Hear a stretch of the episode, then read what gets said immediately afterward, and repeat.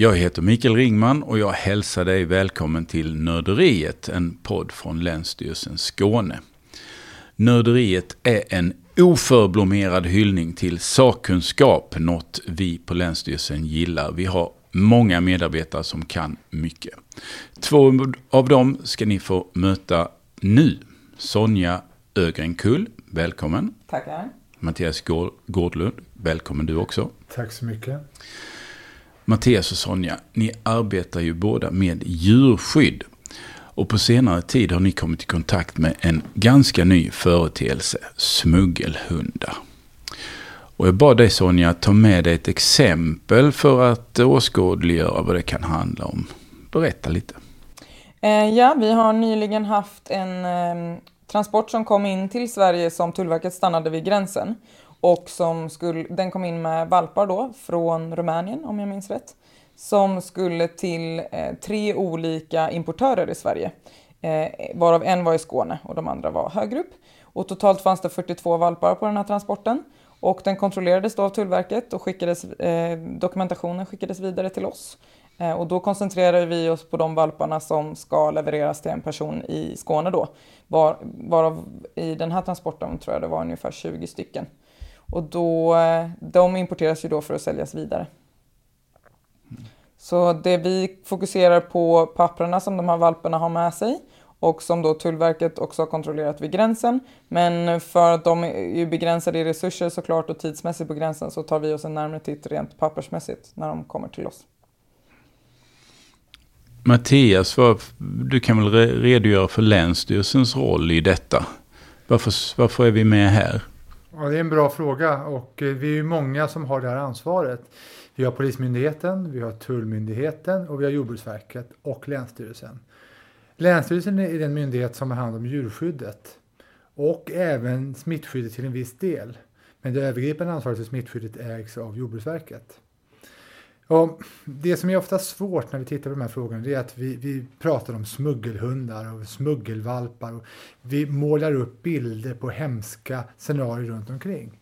Och de hemska scenarierna förekommer fortfarande. De här små valparna som ligger i en banankartong under reservdäcket i en bil och som eh, är drogade och tejpade fötter och så vidare. Men det vi har sett de senaste åren det är att man har bytt strategi, att man tar in djur på ett helt annat sätt.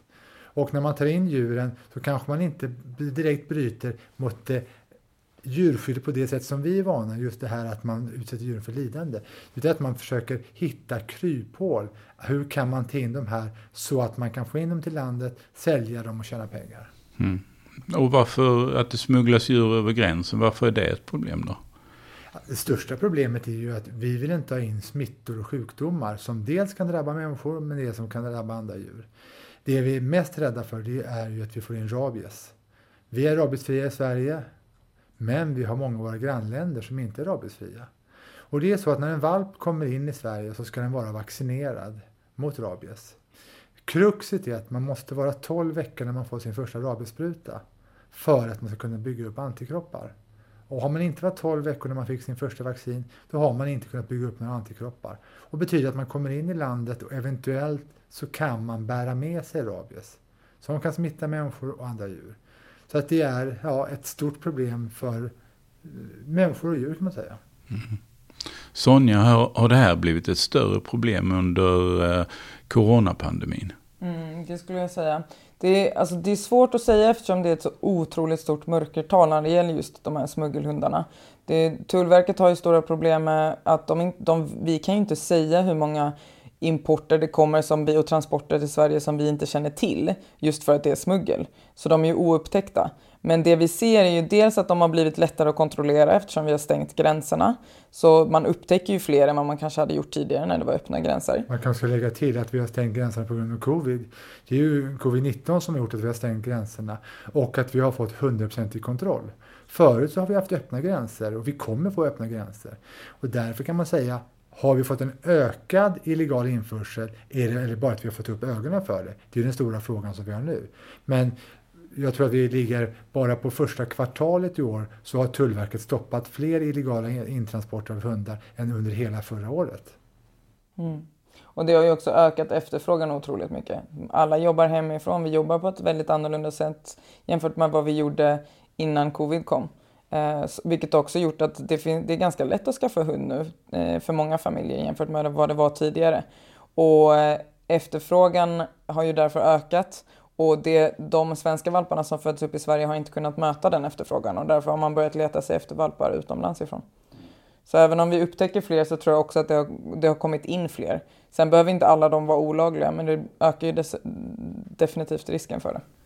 Men om jag då jämför detta och köper en smuggelvalp med att köpa en helt vanlig kennelvalp.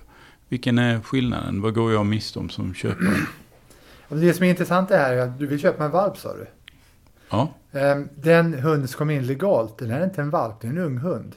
Den lilla söta dunbollen som du köper som är åtta veckor i Sverige. Som kommer hem, som biter i skosnören och så vidare. Den som vi alla vill både ha och inte ha. Den är inte lika gullig när den är 16 veckor. Därför det är 16 veckor gammal din valp kommer vara när den är legalt införd.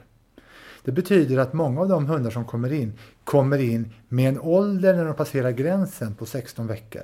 Men när de sen säljs vidare, antingen förfalskar man deras pass eller så eh, säljs de med det passet men man säger att ja, den är ganska ung, ung i, i, för sin ålder även om det står att den är lite äldre i sitt pass.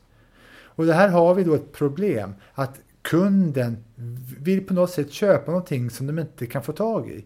Och då väljer man att kanske blunda mot den, den sanning som finns. Man vet att man köper någonting som inte är okej. Okay. Man vet att man köper någonting på en, på en lägenhet som inte känns bra. Man köper på en parkering och så vidare. Men man vill ju så jättegärna ha den lilla söta valpen. Den här 8-9 veckors valpen som är precis det vi alla vill ha. Som vi vill öppna vårt hjärta för. Mm. Så vad kan jag då göra som köpare? Ja, det är ju en jättevanlig fråga och det är det de flesta frågar när de ringer oss. Vi har ju fått väldigt mycket samtal angående det här sedan det uppdagas. Det har ju varit mycket i media den senaste tiden. Ehm, jag tror att vi har ju flera tips till de som är valpköpare. Det allra viktigaste tror jag är att eh, se till att det finns en tik som, på plats när man köper valpen eh, som då ska vara mamman. Det är ju klart att det finns, vi ser att eh, smugglarna som använder sig av olika metoder har numera också tagit för vana att eh, ha en tik av samma ras som man tar in valpar från. Så att det behöver inte eh, vara så att bara för att det finns en stor tik på plats att det är mamman till valparna. Men det är någonting som är väldigt svårt att kontrollera. Så därför är det lättaste steget i alla fall att se till att det finns en tik på plats. Och det ska inte finnas några undantag till det. Mamman ska vara där. Sen kan det ju vara så, det är ju om det är så att man ska köpa en svensk valp. Sen kan det ju vara så att många är okej med att köpa utländska valpar som då som ska vara äldre och ska ha de korrekta papperna och då finns det ju inget krav på att tiken ska finnas på plats. Men då ska man ju åtminstone läsa på vilka papper som krävs och se till så att man kan känna sig trygg med att kontrollera att de papperna faktiskt stämmer. För många som vi pratar med som har köpt valpar som de kanske är medvetna om är utländska tycker ju att det räcker att det finns papper. Men en väldigt stor andel av de papperna vi sen kontrollerar visar sig vara falska. Så köper man en svensk valp så ska tiken absolut vara där. Svårare än så är det inte och det ska inte vara så som vi hör i många fall att tiken är ute på promenad eller tiken är hos veterinären eller tiken är hos någon annan utan den ska vara där. Ehm, sen är det ju många som säger till oss i efterhand att ja, jo, jag fick en lite dålig känsla, det kändes inte riktigt rätt det var en annan adress än den som först hade uppgetts eller när jag skulle swisha pengar så var det ett annat nummer som inte stämde och så. Det låter ju som typiska varningstecken det här man känner. Vilka är varningstecknen? Är det det här med eh, tiken ute på promenad? Men det är ju så att de flesta som köper någonting, till exempel på Blocket, gör ju likadant när man åker och ska titta på en diskmaskin eller en bil. Man har ju tagit med sig pengar eller haft pengar på sitt konto. Man har ju förberett sig. Och samma sak, de flesta som ska köpa en valp, de har redan köpt kopplet, hundsängen, maten och allting innan de åker och tittar på valpen. Så att valpen ska ju vara bedrövlig för att man ska säga att nej vi tar inte den. Man har ju dessutom talat om för barnen att vi ska åka och köpa en valp. Det är inte vi ska åka och titta på valp, vi ska åka och köpa en valp heter det.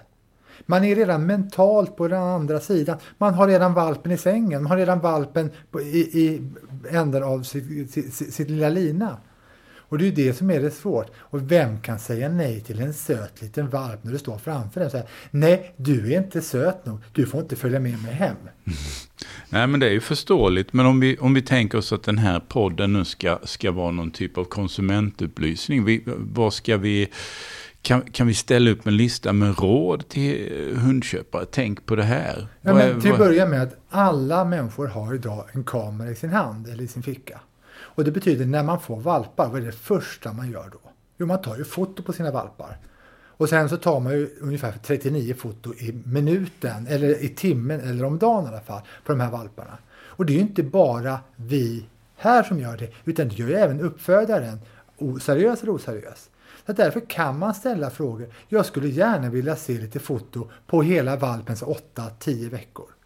Och kan man inte producera det, då är det väldigt märkligt. Då kommer man säkert få höra en ursäkt att ja, tyvärr så har jag bytt mobiltelefon, tyvärr har jag haft problem med bredbandet eller tyvärr så har jag, ja, jag vet inte vad.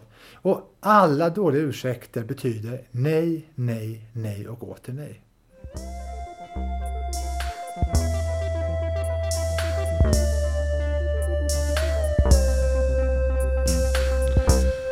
Mattias, du har också med dig ett exempel på hur det går, kan gå till. Eh, nu får du berätta lite.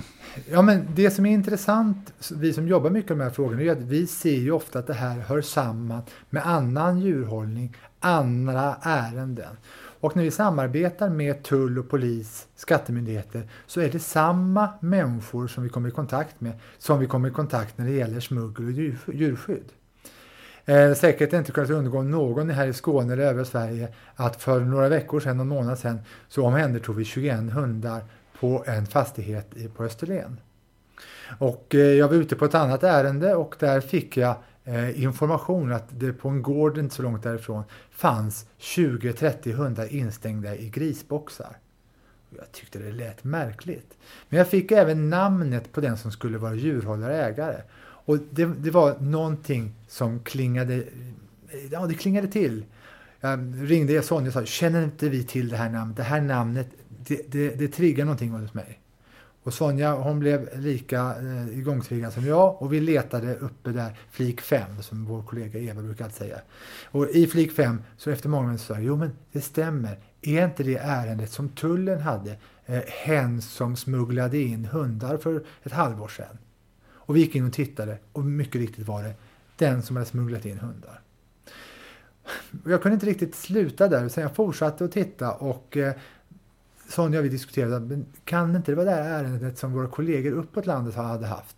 Och så visade det sig att, jo mycket riktigt var det en person som var känd, en pappenheimare som var känd i ett annat län. Som hade haft dålig djurhållning, hade hållit på mycket med hundar, smuggelhundar, försäljning i stor omfattning, fått djurförbud i det länet och på grund av sitt djurförbud flyttat till Skåne. Köpt sig en gård där inte ens fåglarna vänder på Österlen. kändes vi ganska säkra att därifrån kunde den verksamheten smyga på vidare på ett bra sätt. Men tack vare något misstag så var det någon människa som fick reda på det här och kunde tala om det för oss. Och när vi då åkte ut till den här gården så var det verkligen som de bilder man ser från ja, Europas värsta hörn där man säger hundfabriker. Och där hölls det valpar, unghundar, gamla hundar i gamla grisboxar i ett gammalt stall. Utan mat, utan vatten, i sin egen avföring. Man kopplar ju på sin arbetshjärna kan man säga när man kommer ut så. Då, då, man, då har man ett, ett, ett skikt som man kan skölja av känslor och så vidare. Annars hade man inte klarat av att jobba med det här. Men att se de här 20 hundarna leva i, i den här miljön, det tar en ganska hårt. Men det som egentligen tar en ännu mer, det är när man med hjälp av polisen och den som är upphandlad av polisen, eller rätt sagt av Länsstyrelsen, som tar hundarna därifrån. När man hjälper till att göra det och man tar ut de här hundarna, ser hur de här hundarna som har suttit inne i de här boxarna varit helt förskrämda och sen kommer de ut i dagsljuset och helt plötsligt ser man hur det glimmar till i ögonen. Eh, det är, eh, det är en cool känsla, det är en magisk känsla. De här hundarna har blivit omhändertagna, de har träffat veterinär, de har fått behandlingar. Bara att klippa dem och få dem i skick för att överhuvudtaget kunna leva som hundar tog timmavis. Och nu, as we speak, så håller de här hundarna på att omplaceras till nya hem, till nya människor som förhoppningsvis kommer kunna ge dem all kärlek som de här hundarna är värda. För de har inte haft så roligt på vägen fram. Så att där ser vi ett hundärende som har varit smuggeltouch och sen fortsatt. Och det finns ju bara en sak som har drivit det här. Det är pengar. Pengar, pengar och pengar. Det har funnits pengar att tjäna för den personen som har gjort det. Och då har man inte brytt sig om djurens hälsa eller något annat. Det här var ju ett riktigt grovt övertramp får man säga som man blir illa berörd av. Men jag antar att eh, det kan gå till på andra sätt också. Det, det, där det inte är lika flagranta övertramp. Hur, eh, vad, hur går det till egentligen? Nej, men alltså, jag skulle säga att det absolut vanligaste som vi stöter på nu, eh, det är Eh, det kan, anmälan kan ju komma till oss i väldigt många olika skeden. Den kan komma när någon har korsat gränsen som kanske Tullverket har tyckt ser konstigt ut eller som de har kontrollerat i andra syfte. Det kan vara innan de ens har korsat gränsen, någon som har lagt ut en Blocket-annons eller ett inlägg på Facebook som någon annan har tyckt var konstigt. Eller så är det köpare som har köpt en valp som sen har blivit sjuka till exempel och behövt behandling eller avlivas där man i sin, sin tur då förstår till exempel att papper är falska eller att de har ett virus som inte är så vanligt i Sverige. Eh, och då tar man kontakt med oss. Och jag skulle säga att i alla de ärendena så är det genomgående så att det är personer som har upptäckt att det finns väldigt mycket pengar i det här.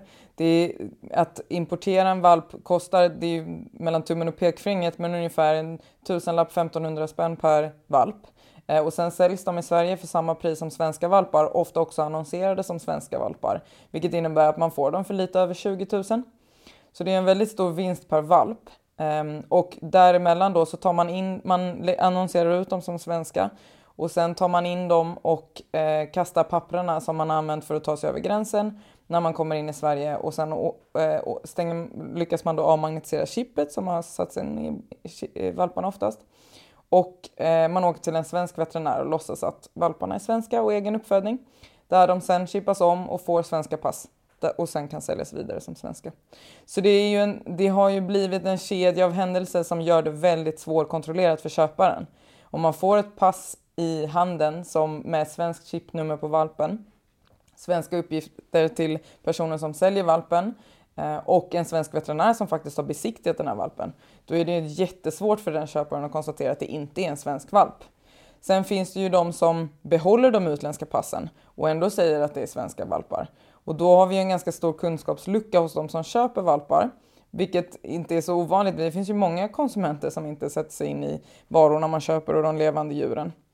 Där man till exempel kan se att det finns polska stämplar i passet som säljaren då säger är svenskt. Så bara genom att vara lite mer kritisk kan man upptäcka mycket. Och vi har också upptäckt att i många av de passen som används för att sälja de här valparna, som då till exempel är polska eller rumänska eller ungerska, så är många saker felstavade. Ehm, så till exempel så skapar de då falska stämplar som de då uppger i en klinik någonstans. Men där man inte då stavat rätt på sakerna som finns i stämpeln. Eh, på veterinär till exempel stavar man ofta fel. Och det är ett sånt typiskt varningstecken att skulle det vara en riktig klinik även utomlands så skulle man ju stava rätt i stämpeln. Men man kan väl säga också att det är ju inte fel att importera en hund. Det finns ju många gånger det kan vara väldigt bra. Jag importerar en jaktlabrador från Skottland, från en av de främsta linjerna i Skottland, Europa till exempel. Där man säger den här jaktlabradoren vill jag ha. Det har vi ingenting emot. Det är ju inte fel att importera ett djur. Vi har gränsöverskridande transporter med djur hela tiden. Det har vi ingenting emot. Men det vi har emot är när man gör det här på fel sätt och djuren kommer till lidande. Och därför måste man ju vara öppen med det. Det är inget fel att ta in djur till Sverige. Det är inget fel att ta, skicka djur utanför Sverige. Men man ska göra det på korrekt sätt. Så man säkerställer djurhälsan och smittskyddet. Därför det är det som vi måste värna om. Att vårt smittskydd bevaras på den nivå det ska vara. Mattias, du sa ju att man kan ställa frågor om till exempel be att få se eh, foton från valpens tidiga veckor, första veckor. Eh, vad kan man mer ställa för kritiska frågor så att man liksom som en standardbatteri så att man gör, gör sin läxa innan man eh, tar hem sin valp? Man kan ju titta i det passet som medföljer hunden. Vem har varit tidigare ägare till exempel? Man kan också, om man är frågvis, kan man ju ringa det telefonnumret som står. Och eh, om man bara slår det numret och det finns ingen som svarar på det, kanske inte ens finns det numret då är det ganska märkligt. Eller det finns en adress till en klinik i Ungern, Rumänien, Polen. Ja, men slå den adressen och, och skriv veterinär på svenska, eller på engelska eller på polska. Kommer inte det heller fram? Vi är ganska duktiga idag på att vara kritiska när vi källgranskar. Och det är inte, man behöver inte vara sämre när man ska köpa en valp.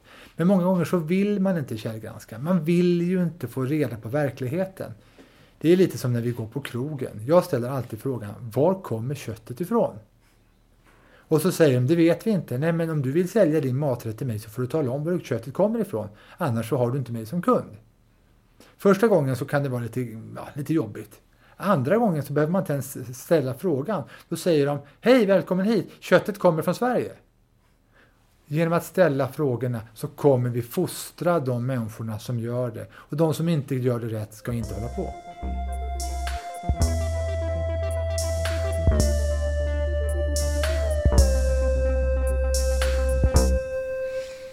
Har ni någon bild över hur, hur det här ser ut i andra länder? Smug, smugglas det lika mycket till andra länder i Europa som till Sverige?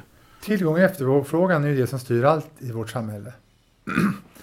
är det så att det finns en stor tillgång och det är små vinster, då är det inte speciellt intressant. Men Sverige är ju en liten avsides ö med ganska kapitalstarka människor där man brinner för djurskydd. Och då anser man att man vill gärna köpa någonting som är svenskt, någonting som verkar lite bättre än det andra. Och därför köper man gärna den tryggheten. Och därför så finns det mer pengar att hämta. En valp i Polen, Ungern, Rumänien 3-4 tusen kronor. Samma valp i Sverige 25. Om jag köper den här valpen för 3 4 kronor, jag lägger 1000 kronor för transporten, jag har den hemma i 5000. Och sen säljer jag den för 25. Det är 20 000 i avans. Ska jag gå in och lägga det till eh, Löfven med flera och skatta och momsa och så vidare så blir det inte riktigt lika mycket kvar i slutändan. Då kanske det blir 5 000 kvar. Men om jag kör det vid sidan om och jag kör min egen lilla, ja, egen lilla business och inte inblandar blandar in staten, då har jag helt plötsligt 20 000 svarta kronor som jag kan göra vad jag vill med. Och om jag investerar de 20 000 kronorna i annan kriminell verksamhet, då kan jag få dem att växa, växa ännu mer och växa än, ännu mer. Och vi vet idag att djurhandel, både djur, döda och levande djur, när vi pratar CITES-djur, alltså eh, utrotningshotade djur, men även andra djur, ligger på tredje, fjärde plats i störst omsättning i de kriminella nätverken. Vi pratar människohandel, vi pratar narkotika, vi pratar människosmuggling och därefter kommer handel av djur. Så det här omsätter miljardbelopp i, i Europa och det finns en anledning till att göra det. Mm. Fundera lite på, eh, alltså vi människor finns ju register från eh, späd ålder.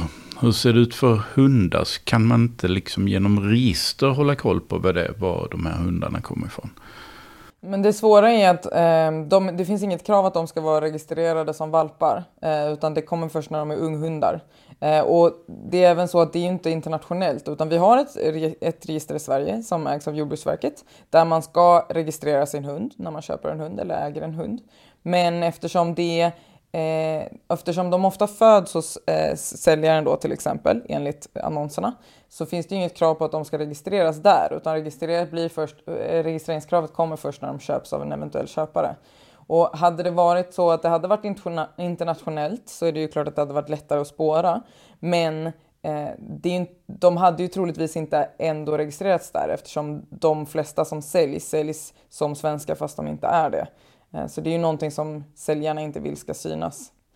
Eh, men det är, alltså mycket av det här går ju att motverka genom också att göra lite av sin hemläxa. Om man har till exempel skrivit på en annons eller fått kontakt med någon via Facebook så går det ju också att se att, eh, att man kan kolla om, om de uppger sig vara en kennel till exempel så kan man ju kolla med Svenska Kennelklubben om de finns registrerade och om det finns någonting annat eh, kännbart där på adressen till exempel.